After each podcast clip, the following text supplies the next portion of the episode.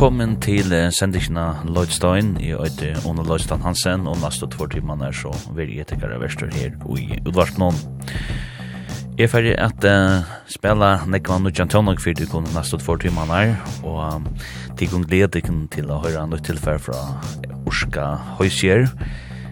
Det talas med en Earth ur Sverige, han er vår røstning givet nytt tilfær ut, Nudjan Sanger, Nudjan Tjonag, Nudjan Vi får spela noen tøvnlag vi Amanda Shires, The Heavy, Ghost. Ja, det er så ikke ordan lukt den sangren som uh, jeg får spela, han er så ikke nudgjur, han er ikke Ghost. Men til er han ikke Tamian Pala, og til kan løsne at han kan høre nytt fra The National, Portugal The Man, Jenny Lewis og Øren. Her her verur ein uh, Lloydstone sending vi tui ordar at andan hon, hon vil nemne spika hamrande foit. Så set ikon vel til rattes, eh, få ikon en kopp av kaffe, en kopp av te, en øl, eller hvis det er hod til hent til for det kører en tur, og tente for utvarsmål, og njóte seg løtna. Jeg får byrja vi trimme sangen her, og eh, jeg får spela en sang her i uh, døylig amerikana Balkan Dawes, uh, samstavar vi og en mann som heter Lee Pardini, men eh, Det er ikke en bønnes fremmede med å fyre Dawes, så han spiller vi i Dawes, snillig Pardini, men han er så gjørst og en, en epe kjolvor, her han også brukar The Dawes, etter bare Dawes som det kallar seg. et sang kom på sjur her som heter What It Takes. Så får jeg spela en sang til en dam som, uh, ja, framfor under navn om Baby Rose, det er en øyla spennende amerikansk eller amerikansk sangarinta og sangskrivare som ja, ta ber nærmast vittnesbord om en en erfarna tog i som hon synker den maten hon synker på og til øyla øyla godt og mer man lukkar så øyla vel og for spennende nudja sang til henne som øyder Stop the Bleeding. Det første er verður til en nudja sanger tja Jason Isbell og hans er balkje som nevnes The 400 Unit. Hetta er ein øyna sterskur sankur som Jason Bispel just til givi ut. Han høyde Death Wish, og um, which er um, uh, ta trupla samlu i mittlen tvei folk, ta i anna uh, at han ganske ikkje hevet det så godt, og hittir øyner eller hjelpa og, og halda det oppe. Uh, og det er ofta nekka som uh, ja, det er nok nekka som nekka folk kjenner at det er ute, at uh, man røyner uh, det strujist vi at uh, at halda um, en partner til eller hva var det? Uh, til er um, det som sangren handlar om og sånn Death Wish og til er øyelig av velgjørst og sånn er uh, Jason Isbell uh, er en øyelig større favoritter som er uh, da det kommer til amerikana til nøyk han er 44 år gammal og i fyrir så søtten jeg spela en sang til kona hans her som utor Amanda Shires så kom i kjer sida løystand ikke også om jamstøvna Snake Jason Isbell, han er uh, ur Green Hill i Alabama, og um, ja, han er fighter, og tan platan som er sangen her, for å være at finna og hans her, uh, That's Wish, han fyrir að auta Weather Wanes, hvis jeg har lista rett, og kommer ut i juni. Njóðið er, jeg kommer uh, Jason Isbell, og han sier han til 400 unit vi Death Wish. Did you ever love a woman with a death wish? Something flipping off a light switch. Everybody dies but you gotta find a reason to carry on. Oh and did you ever catch her climbing on the rooftop higher than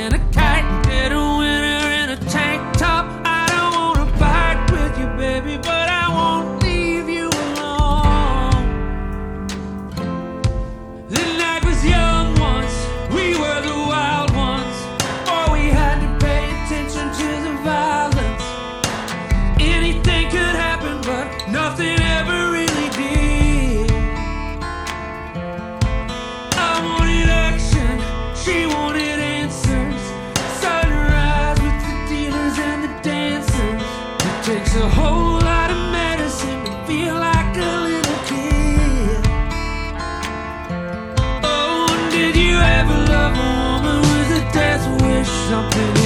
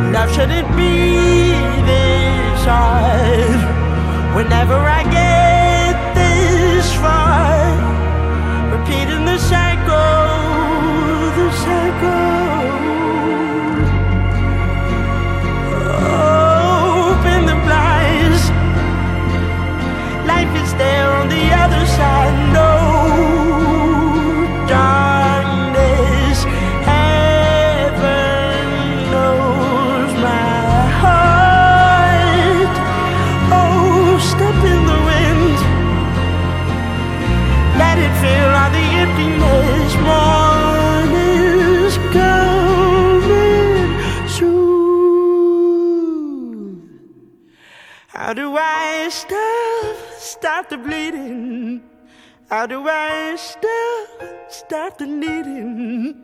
How do I stop, stop repeating? The cycle, the cycle How do I stop, stop the bleeding? How do I stop, stop the needing? How do I stop, stop repeating? The cycle, the cycle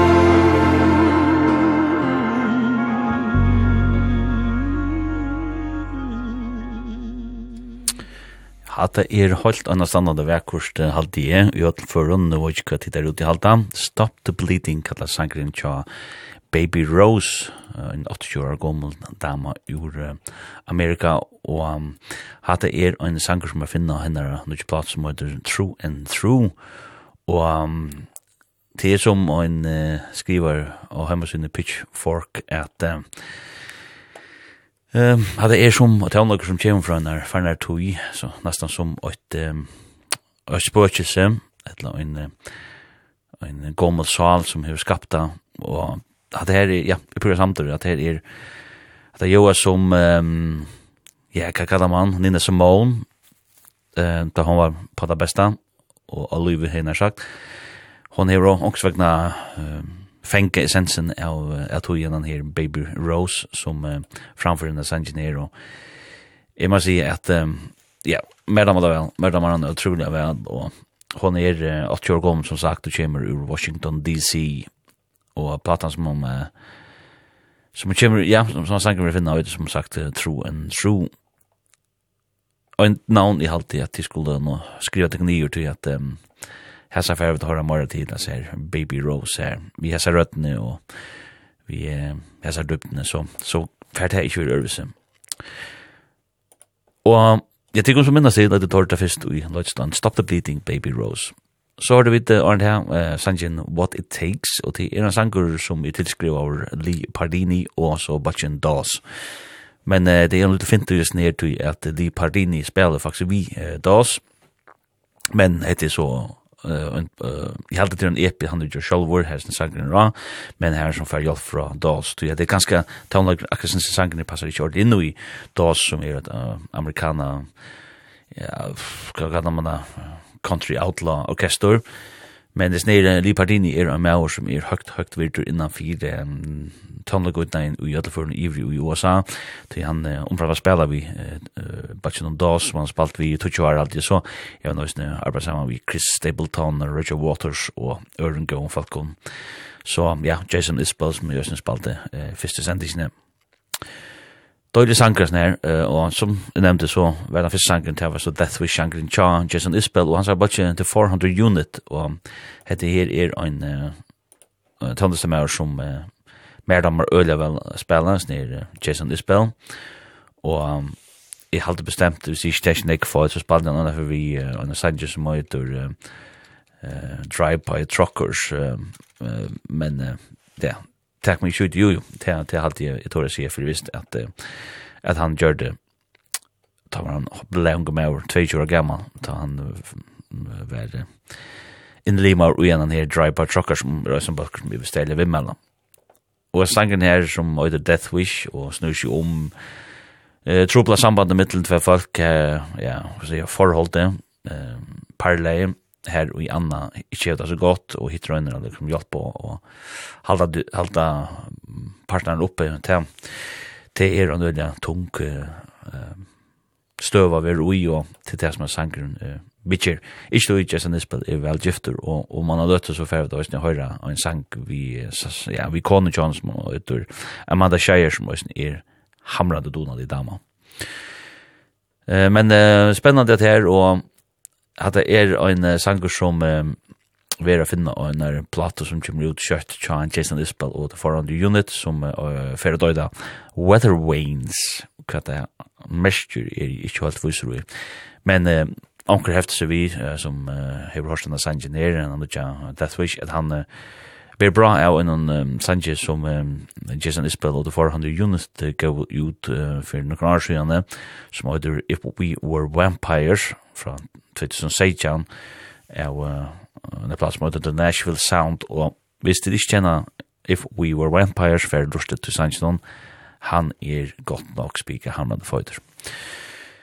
Hadde vært lukket som til, eh, nu er kommet i gang i sendingsna, eh, Lødstein, til Lusha Lødstein, og den neste trutsi sannsyn som er fyrir å spela, det er vera, um nu tjankur tja Urska Høysier, hvis ni her stora stora sangtalenten, sang og sangskrivar talenten ur Irlande. Det sang som heter Eat Your Young og det er høytesleie og en er nutjar epe tja høysier.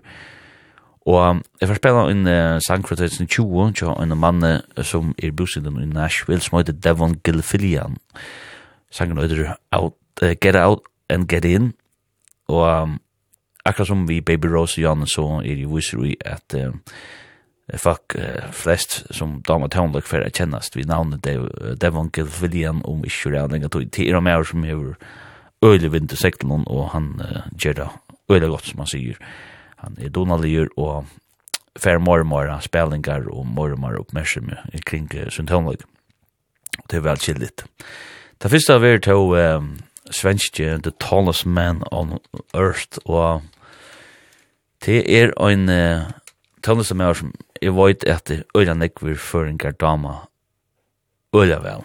Um, tog jeg at uh, Ja, ja, jeg hørte bare han, da jeg møtte folk og talte om han her uh, svenska sangeren, sangskriveren som øyder uh, Christian uh, Mattsson. Uh, jeg folk dama han, han er 40 år gammal i Trondene, og han er jo just givet en nødja plate ut som uh, øyder så mykje som uh, Henry Street, hun kom ut i april, og det er hoa litt at at han gjør noe tilfelle ut. Jeg hørte jeg selv rundt for av Roskilde-festivalen, og det må jeg si at det en øyelig døylig konsert. Jeg vet ikke, altså, ikke, jeg er ikke den største talesmennen og fjepperen, men jeg har lyst til å nekve etter noen.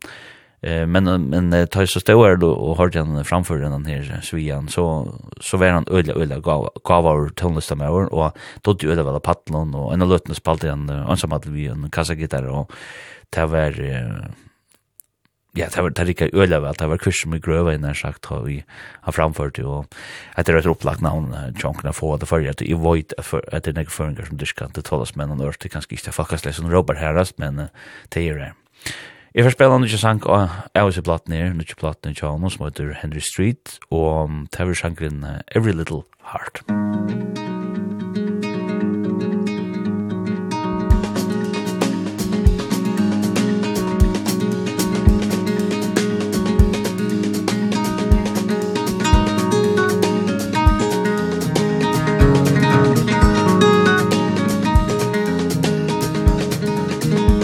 declaring in your state of mind.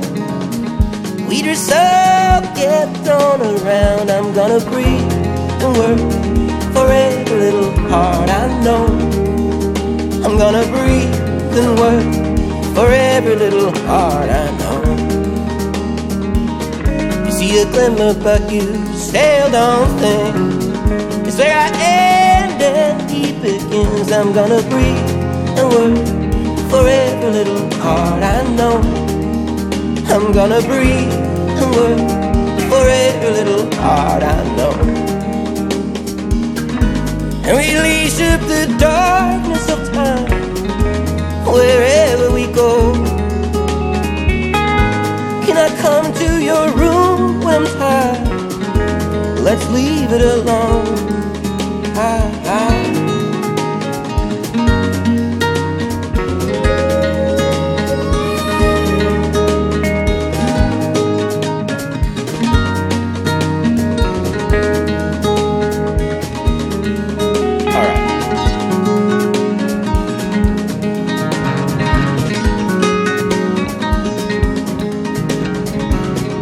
We got trampled by the mountains here. A single step each thousand year I'm gonna see the world Through every little heart I know.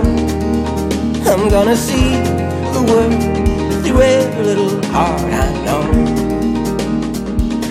Let's find our flavor in some distant town To dress up, get thrown around I'm gonna see the world do it a little hard I know I'm gonna see the world through it a little hard I know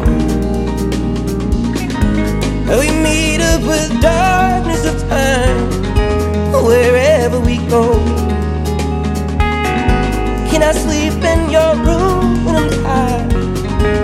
Let's leave it alone. Ah, I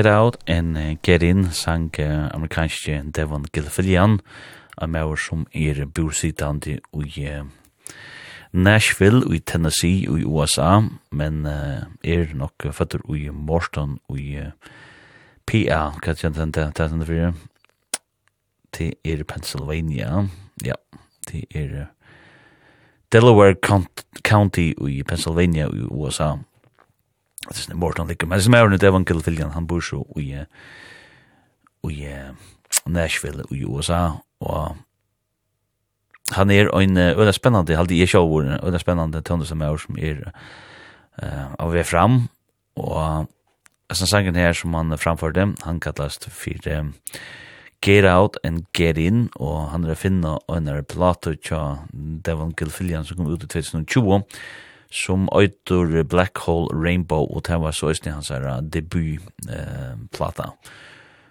Og det er født sanger halte jeg sjåvor, mega født sanger, og det er det meste som er Devon Devangel Filjan Gjer. Han er sindur at jeg skriver blei enn, men jeg vant til at jeg hatt en tøndeste med og vi kommer høyra nek mora tid i framtiden. Arnold Horto, Devon Filjan, så hørte vi til um, Urska Høysjerm, Snir, fantastisk tøvnelse som er seg større rødne, større med over større rød.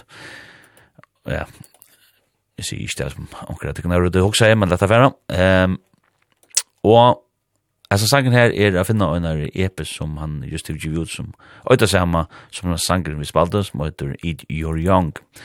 Og dette er lukket som en sort middelen uh, utgavstikje kan man sige, ja eh Arn han gjorde en plate ut till att um, det är som framtid att en ny plate är avvis från sån här hojser och att um, hon um, för att öta som som mycket som är unreal on earth. Och att det är tillfär som han har skrivit under så här eh så farsötne så corona farsötne som här är kring hemmen och det är väl så han så brukt tøyna til å skrive han kjent tøvnlag om det er bare kommet en EP og så en plata borstjord. Og takk det med tid, og heter Heres nere Høyser er en øyla øyla Donald i tøvnløk samme år, det må jeg sige. Øysen er et sort opplagt navn til å få enda vi hvis det er, det sigera, Berdil. Og den første sangen er også en trim som spalte her, det var Every Little Heart, og det er en sang man finner av Nutsjeplaten, tja svenska, The Tallest Man on Earth. Og platan tja snir um, The Tallest Man on Earth som er just er kommet noen øyder Henry Street og snir Tallest Man on Earth han ikke om det ikke føtter til han øyder Christian Mattsson fyrir gammal mevor ur uh, Leksand i Dalarna i Sverige. Spelar folk, indie folk, eh, tonløyke, vi er sindra poppe, blande på i gammal nøy. Ja, så var det at det ikke var nå til det her. Gå, løte alt i sjåer. Um, jeg først så vi er til um, en uh, mann som heter Kevin Morby. Han først spiller en sang som heter I Have Been to the Mountain. Så jeg først spiller en sang som heter Fair Weather Friend, og en bøtt som heter GA20. Men jeg får begynne vi uh, konene til Jason Isbell, som uh, spalte en sang vi Janne, og Nøyder Amanda Shires. Hon spiller vi og i bøtsen hun kjønner Jason Isbells møyder til 400 unit, men uh, hon hever òsne og en sole uh, karriere korrande, og hon gav en plate ut uh, hefire som møyder Take It Like a Man, og en superstersk plata, og at her er en uh, badass dam, dama den her alltid, Amanda Shires, man ser det bra henne, at det er en sterk og, og um, døylig kvinna, jeg vet ikke om hvordan man kan det samme per av henne. Uh, og sånn det er båtskaper som hun hever, og sånn blatt hun, og det er um, Girl Power All The Way. Hun er Her har spalt vi henne, eller spiller vi henne, bare som heter The High Women, som også har gjort om seg sammen. Her er hun sammen med Brandy Carlyle, og henne som heter Nathalie Hemby, og så Maren Morris, og det var Sten Balkeren var stående at du tvedt som nødkjennes nere High Women, til Østen som uh, folk som nordisk betonage, kanskje særlig i både amerikaner country tonage, kjenna, uh, kjennas vi.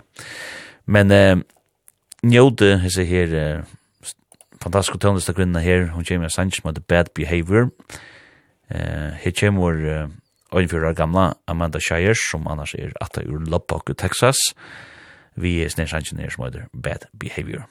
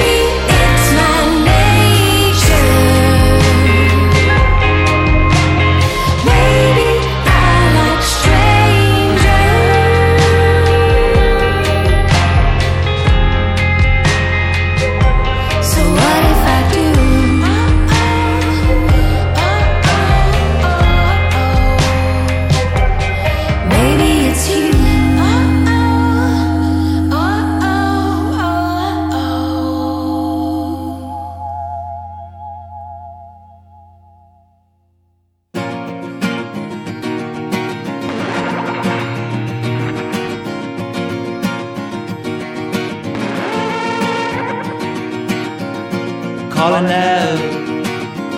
Demanding answers. Pleading skies. Cry for hours. Dropping peace bombs. Collecting prayers. Sky that mirrors. Sky that stares. As I sing. I've been to the mountain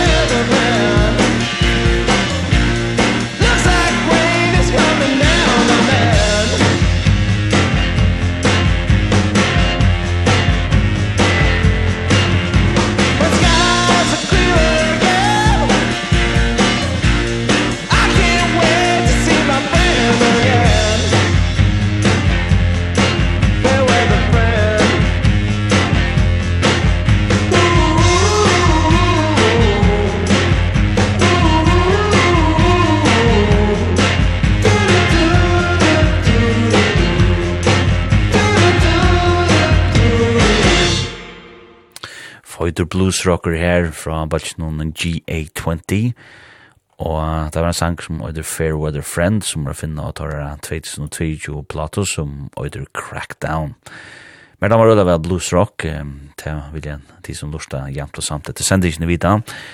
Og nå damer man rødda vel The Black Keys, man damer vel um, allt det som Jack White, fast vi, Jack White Shoulder men også The White Stripes, og er er blues rock balkar, Så at det her, ja, det er ikke ondt at jeg hadde fattelig min smak i eh, hørte det. Jeg vet ikke nek å si at det er en ombalsen som så, han heter GA20, og ja, platan som er snart, han sanger meg finne, og han heter så mye som uh, Crackdown, og jo, jeg kan si det om han her uh, GA20, at det er amerikanske bluesbalker ur Boston i Massachusetts, og uh, han var stående etter 2018, bakgrunn, Så det er, de hadde spela blues, rock, R&B og sånne ting, blanda saman.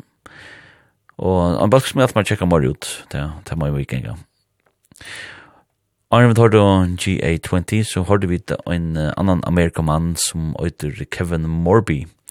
Og um, det sniffuren er uh, Øysni ur Lubbock i Texas, og Amadeus Shires er da. Og det fikk meg til å huske, så hva er loppok i Texas fyrir en bojur, eller hva så staur er han, og finner det av at den her byggvann byggvågne 230.000 folk, og så det er, det er ikke, det er ikke nekka løyde bojur, hva var det ikke kjenner så vel, 16. 5. forsynte, 5.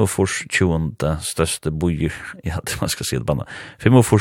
største bojur i USA, snir loppok, så... So, till ganska sjönda detta att det är Florian känt tonsta folk kom härifrån. Men det snär Kevin Morby han är en um, 35 år gammal maur en sangare och sangskrivare och har spalt vi Balkans Woods och The Babies men är eh, nog eh, mer känd under eget navnet. han är ju tjej plater ut, solplater ut under dräkna navnet och Jeg vil si det at det som jeg hører er, fra honom nu er fantastisk godt, og sånne sangen her som vi har det her, I've been to uh, The Mountain, han er å finne av platene som heter Sing Sa, tja Kevin Morby, det var tre studieplaten tja honom som kom ut i april 2016. Men han er jo givet henne plate ut nyliga, sni Kevin Morgan som heter This is a Photograph, og her er vi just spalt henne og gav og henne vil just stelle vi mellan. Det kommer man at høyre morgen til Kevin Morby her i sendingsene til Lovie Dekom.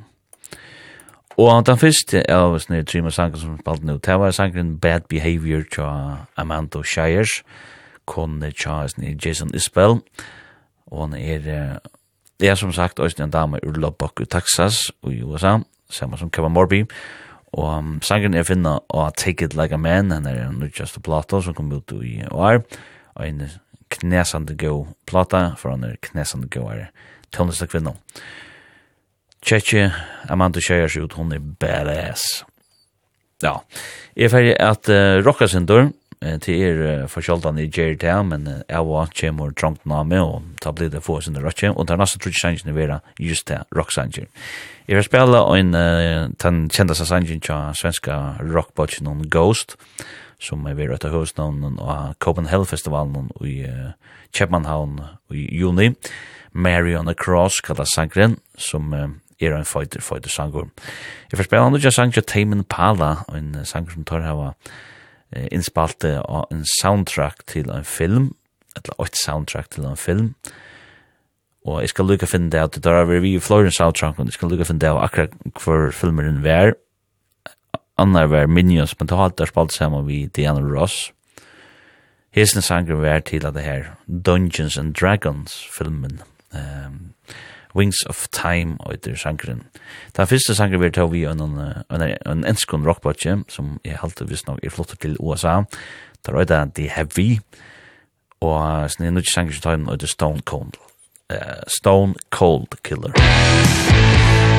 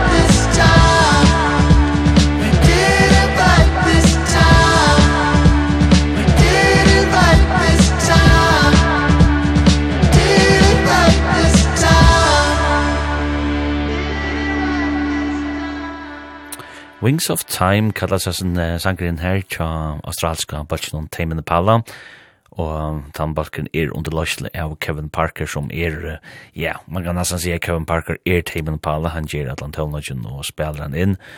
Men um, ta han er uh, av konsertsfyr så hever han av balka jazzar og tog gluta til Tame in the Pala og stemmer bare Kevin Parker. og Men um, ein uh, semersa sangur fra Tim Palace som uh, er å finna og soundtracken til uh, nutja filmen uh, Dungeons and Dragons um, Honor Among Thieves som uh, just er kom ut og ja, det er sin røvelse siden det som uh, vi til vanlige samme tvinna vi uh, Tim Palace og Kevin Parker men uh, her er sjakt at det ikke godt uh, at det er spika hamrande fått for seg akkurat som det er og det er alt det som er Kevin Parker uh, gjør, vil jeg sagt men sjående alla sina meningar. Arnold har då um, Tame Impala og snir Wings of Time, sanjen. Så har du vid um, uh, svenska hard rock bulchen uh, Ghost, vi sanjen om Marion and Cross.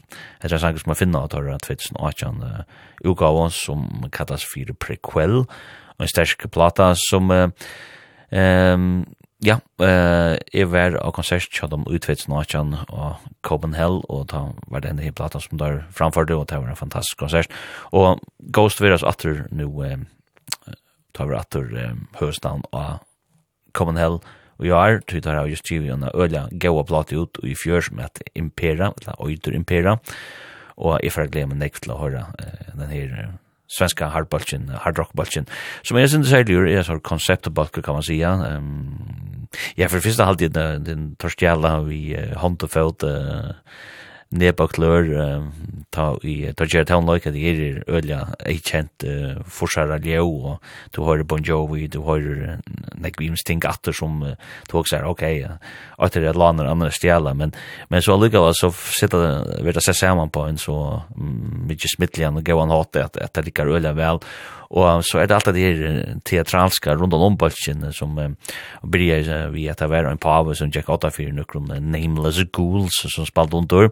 Og man visste ikke hva det hver var som spalte vi, men uh, jamt og samt så kom det under kavi at det var en svenskur uh, balkur og han som var åtta med i bølgen, Ghost, han heter Tobias Forge men eh, så her um, en aimless schools tar her var stadvik og sindra mystikk omkring eller kring sin person at man var kjørt hver der er og og det har vi sagt at uh, som Dave Grohl som er større fjepper og gås spalt vi men uh, i tilvann kan det bli votta um, men uh, Donald i tøvnager til høyre man at det er.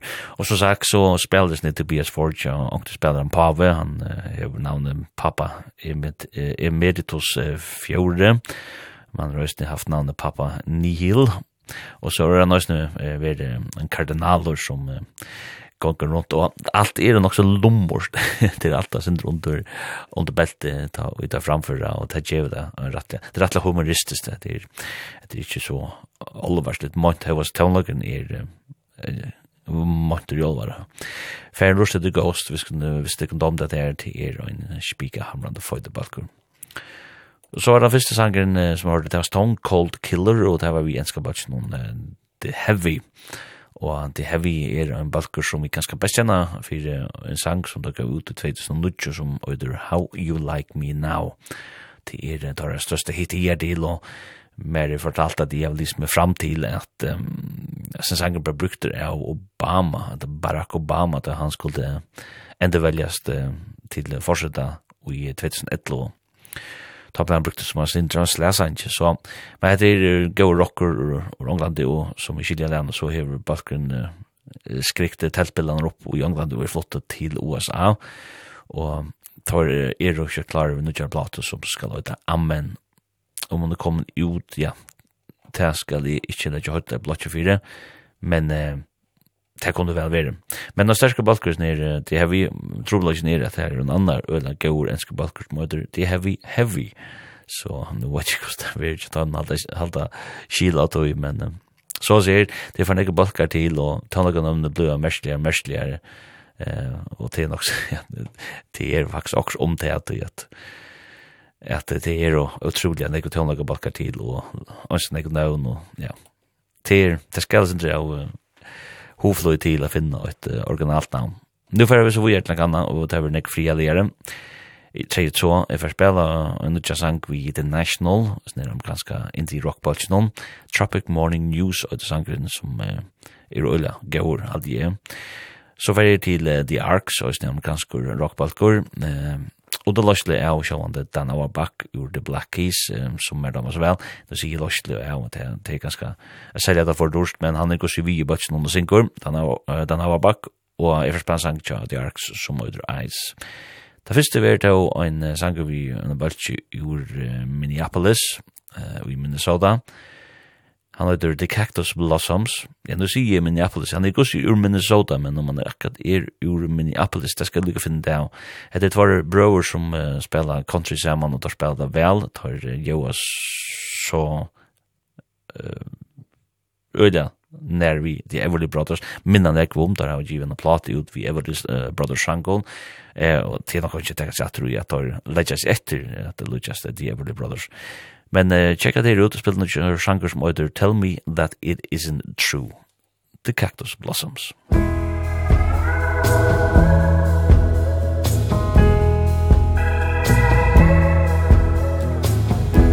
I've heard rumors all over town They say that you're planning to put me down All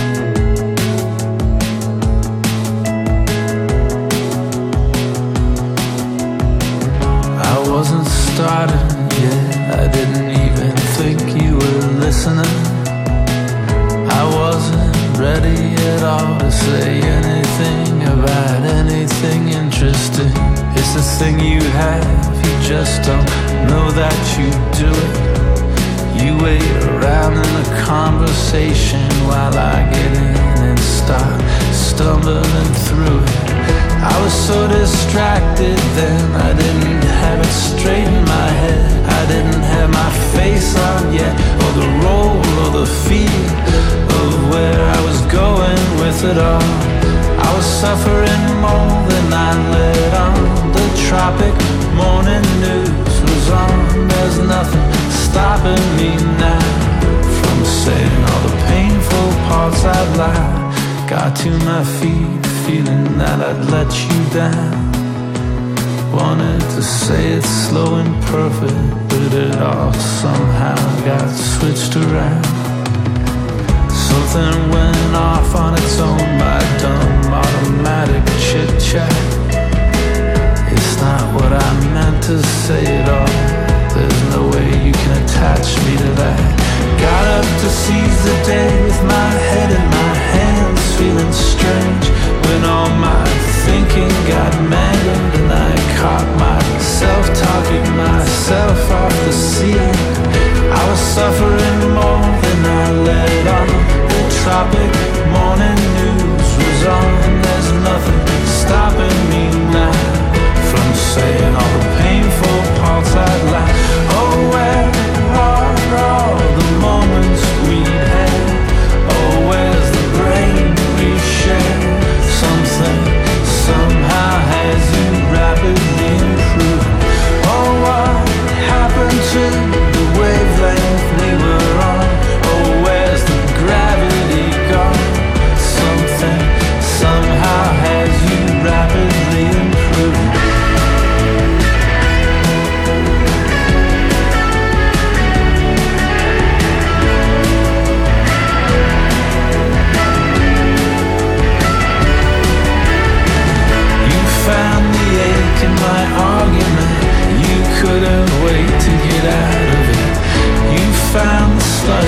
Marcella You made it sound so intelligent. You can stop and start an athlete's heart. How do I feel about it? I would love to have nothing to do with it. I would like to move on and be through with it.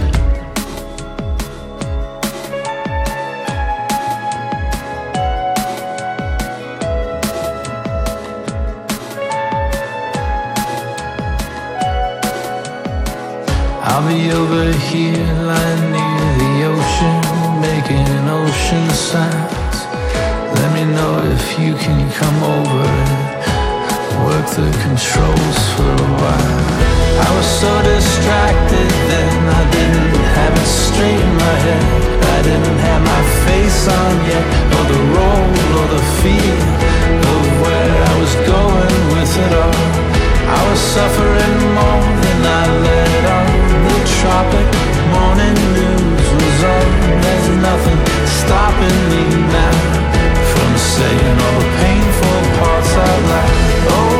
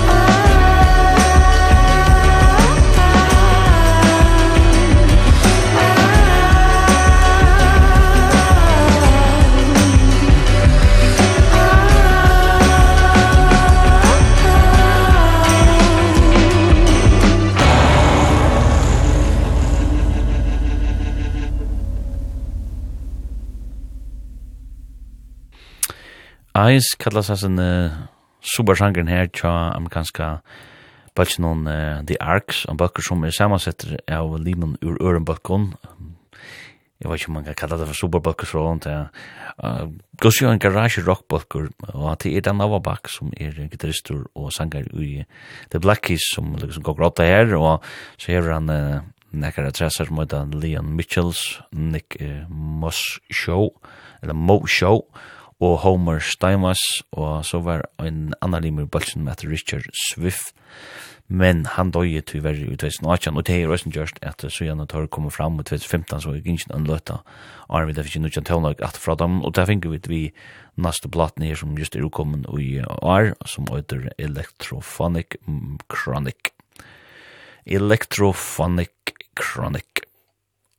Og ja, alt det som er snitt, den av uh, rör vi allt det jag måste säga vet jag må vikenga så ta ta med mer en super tonus av som måste en super framlayer och som bor i Nashville här i han ja tar upp och viskar färdig och tjecka eh Bay the Black Keys den här var bak självan han ger solo blad ut och till Ark så ut här är det gott till vi skuffa. Arne, det så har du vidt um, en annan superamerikansk balk som øyder The National. Det er er en balker i Cincinnati i Ohio, som hever spalt uh, siden 1995, og det er og tvei bodja pør som uh, ja, mynda balkin, eller som tånlagarna balkin til Aaron Dessner og Bryce Dessner, og så er det Brian Devendorf og Scott Devendorf, og sangar og Adamaur ui The National er Matt Berninger. Og hette her er indie rocker eller alternativ rocker som uh, uh, tar spela og ta nukja platan tjada uh, som uh, just uh, eller er hun kommet ut det skal lukka. ja hun er kommet ut hun uh, kom ut uh, herfire og hun er first two pages of Frankenstein og det er nukja studieplatan tja The National. Og en en bakker som jeg vil si at på den måten at han, han er um, hever spekelig vaksa seg inn under hoen av meg. Det er ikke sort uh, voimande eller sort uh, ja, svøymande forelskelse på denne veien men jamt og samt så fikk jeg større servering for The National og nå er det en en bakker som er norsk nekvetter Da første sangeren som du hørte, det var Tell Me That It Isn't True, og det var vi uh, bare noen uh, The Cactus Blossoms. Det er en døylig balkur som er heimahørende i Minneapolis i Minnesota, som jeg synes sier, for å lukke det i vast. Og æsne her har vi tala, æsne her er det tala om Bodger, det er Jack Turry, som uh, spiller gitar, bass og synger, og Paige Burkham, som uh, spiller gitar og synger tar det godt nok tvei imisk etnån, men bodjar er det så, og tar det her også en eldre bodja, Tyler Burkham beat, at han spiller konserter, og et system bad, som eitur uh, Philip Hicks, som spiller bass. Så, ja, og så er det andre bodja bær som uh, spiller under, da der er og turneren Jake Hanson og Jeremy Hanson. Så det er uh, Keep it in the, eller, ja, yeah, Keep it in the family, som man sier, ja, uh, og Det er en øyla døylig balkur, altså, det blir, altså, jeg var kjørt om det blir til ikke dama, uh, det Cactus Blossoms, da man hører dør, tog at um, ta leggja seg etter um, å spela sånn, um, alt her er den country, indie folk, um, amerikana toneløyk, som legger seg tatt opp av, og det er veldig brothers, og det er bare nekka seg, det er bare nekka seg, det er bare nekka seg, ta vi tar tar bodja eller sitjen sinja og spela saman. Ta gjevur røttuna lutja sjón det er sama DNA så ta gjevur ein klang som er nok så seilig og nu spaldi jeg en sang vi Dan Auerbach og hans er The, The Arcs og Janus so og han sjón det hava tar her østne er på sama við Dan Auerbach som er en øyla vision mauer tar han ver i hans er studio i Nashville og det er Sejan og Jeg skriver Sanger, og ja, ja, da gav folk finna saman, så spyrst gav tånaga på sjur.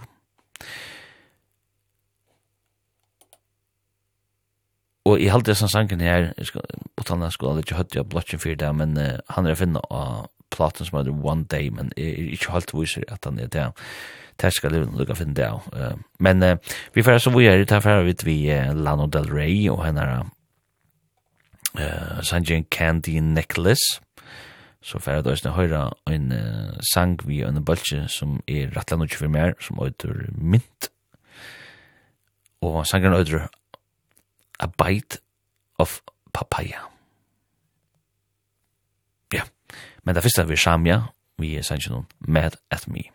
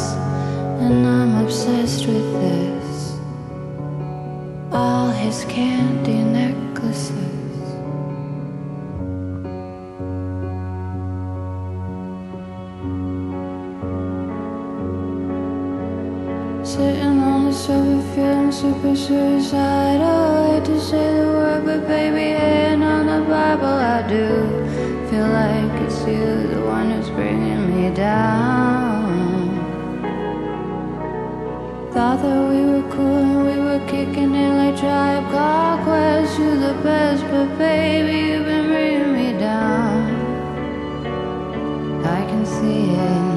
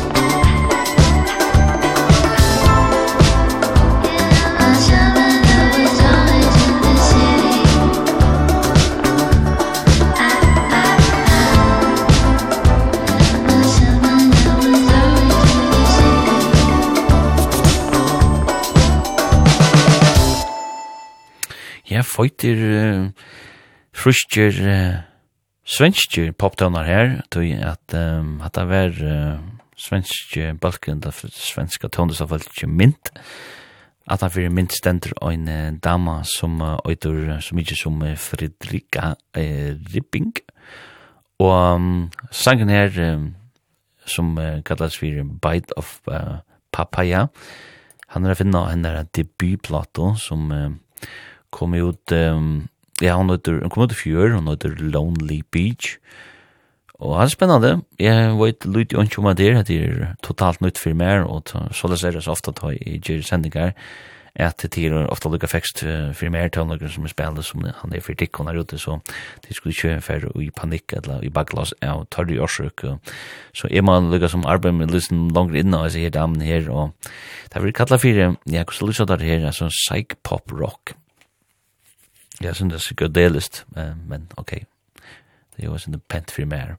Anyways, um, Og har vi tar da mynt og a bite of papaya. uh, Så har vi det Lana Del Rey, vi hennar sannsyn Candy Necklace, og det er en sanger som uh, er å finne henne plato som uh, øyder uh, Did you know that there's a tunnel under Ocean Boulevard? Og uh, så sannsyn hun fikk hun hjelp fra hun knurren enn i John Baptist, som er en sera donald amerikanskur tøndestamauer. Han er 36 år gammal og hevur uh, sin sunji og skriva til ham like, han hevur uh, ver uh, orkesterløyere for den uh, orkester i The Late Show, tja, Stephen Colbert, han er spalt saman vi Stevie Wonder, Prince, uh, Billy Nelson, Lenny Kravitz, Ed Sheeran, Lana Del Rey, som han tar det her, og mange nøv øron, og jeg hadde bestemt at det var også vi Obama, og sånn, domte øyla vel eh, uh, den her uh, John Baptiste, uh, som også ni hever uh, tilnevnt til uh, Grammy-høyerslønner og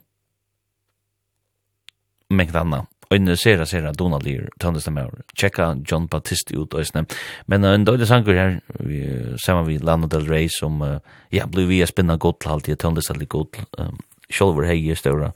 Ja, i veis nek ui Lana del Rey, han kom fram, jeg var ikke kjørtelig, man hever sånne fordommer, men uh, det hever hun kjørst vel vilja til skammar, og hon er en av de mest uh, spennande og avhaldande tøndestavfalkene alltid som, som er her ute og gjør ut ødja jant og samt til sjøldan morgen og tvei år i middelen ganske og det som gjør ut er redel alltid veldig godt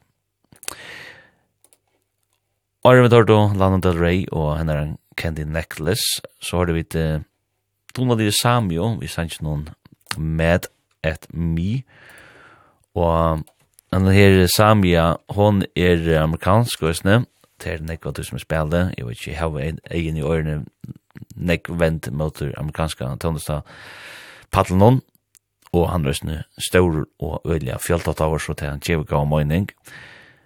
Det er en uh, libanesisk amerikansk uh, sangkvinna som er fra New York City, hun er 60 år gammel og er en, et, er en spennende navn som er uh, jeg valgvar av ved fram, og sanger jeg finner henne plato fra i år, som heter Honey, og jeg kan stelle med meg folk jeg færre lusta etter seg her, Samjo, som er døylig.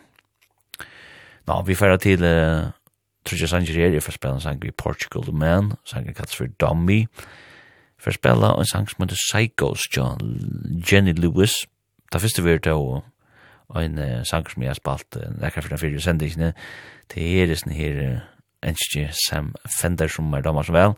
Spite of You og etter sangren Musikk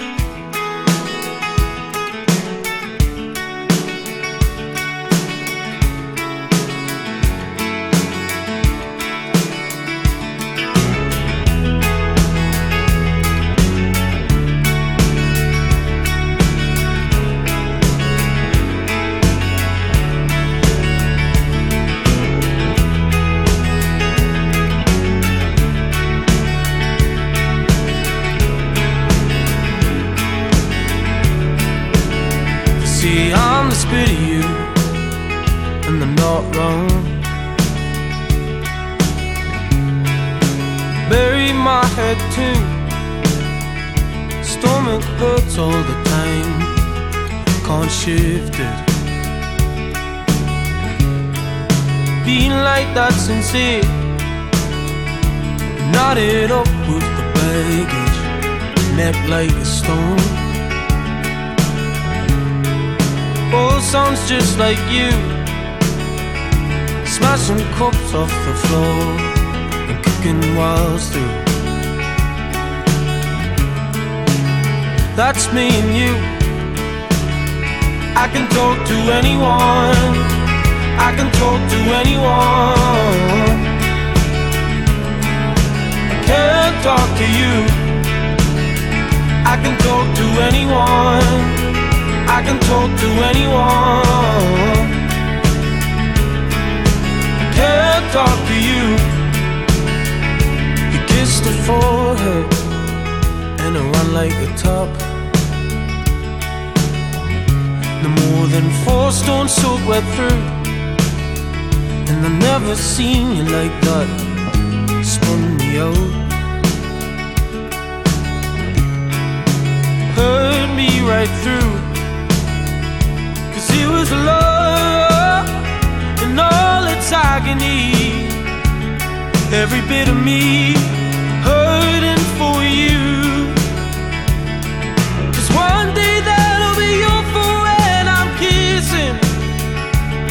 And I still look exactly like you. And I can talk to anyone. I can talk to anyone. I can't talk to you. I can talk to anyone. I can talk to anyone. I can't talk to you.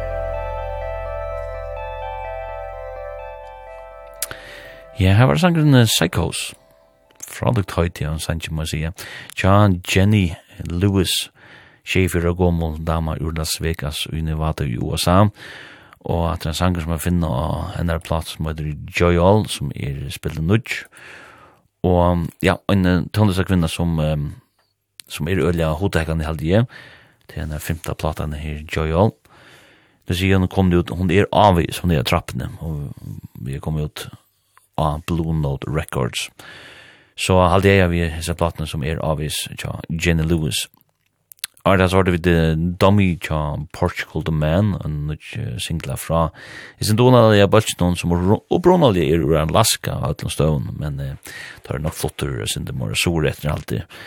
Men eh, øyne balker som, ja, de som då er sendingene, de vet at de spiller ofta, eller så ofta som jeg får i mølagen til det. Ja Og så er den den første sånne sangren som spalte tema sangren, han har nok utan av Spit of You, jeg halte jeg Spite of You, jeg halte til Spit of You, uh, Spitting Image, og det handlar, ja, det er Sam Fender, um, enskje Sam Fender som er ur Newcastle, som um, framfor sangren, og det er nok en samrøy av middelen, en son og en papa, og ja, at det her vi et, hvis det er, det kunne semjast, og Han sier ordene, I can talk to anyone, but I can't talk to you. Og det kan ofta være en trobladje i middelen, ataline, at uh, papar og siner ikke gjør det doa eller evna at ta seg saman, uh, men uh, leit han vana til kjøtt er en færen tog til at, ja, uh, til pura og nøyt at det er ikke lett sikkert gjøre fullkomne. Så fordi jeg at djevast, og det er fordi jeg gjøre vi øyne sanje, tja øyne damo som øyder Nana. Nei, det er ikke den danske Nana, men det er den uslenske Nana.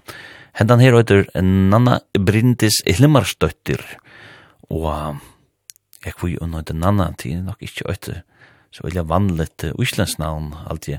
Men uh, hon er 33 år gommel, og kommer ur Gerrur, eller Gerrur i Íslandi, og spiller indie pop og indie rock.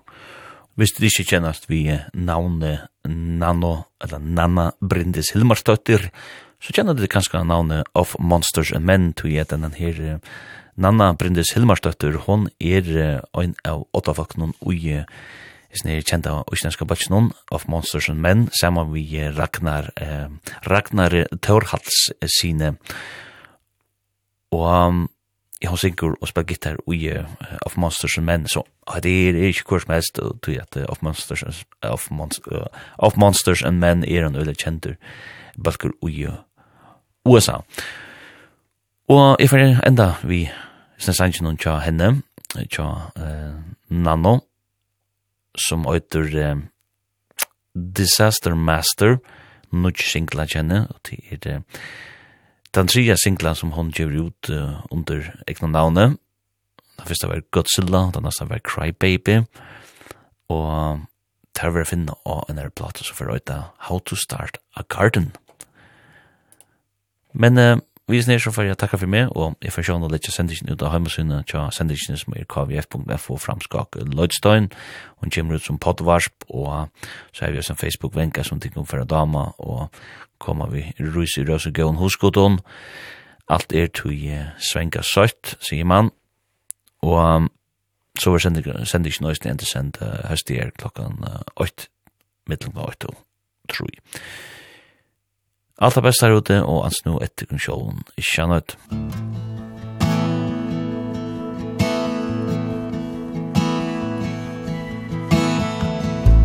Take me out into the chaos Waiting up for Helios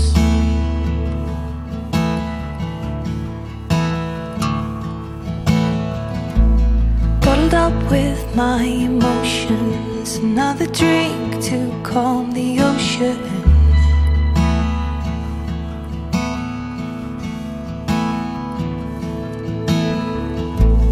Breathing out so I can breathe you in. You could be my phantom.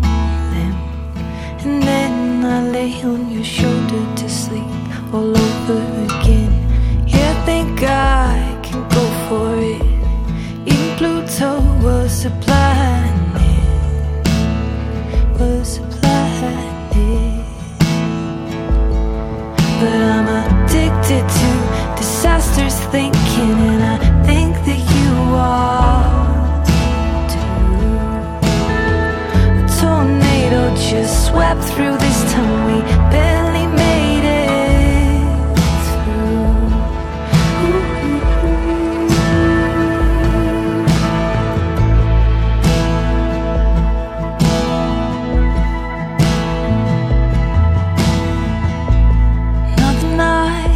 another solstice.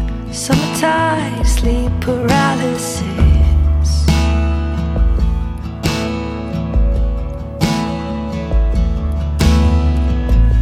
There's a glitch that I cannot seem to fix. Back again where I started the trip. Where I started to trip.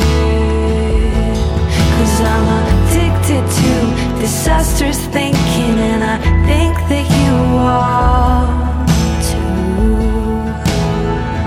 Tornado just swept through this town. We barely made it through. Yeah, I'm addicted to disastrous thinking and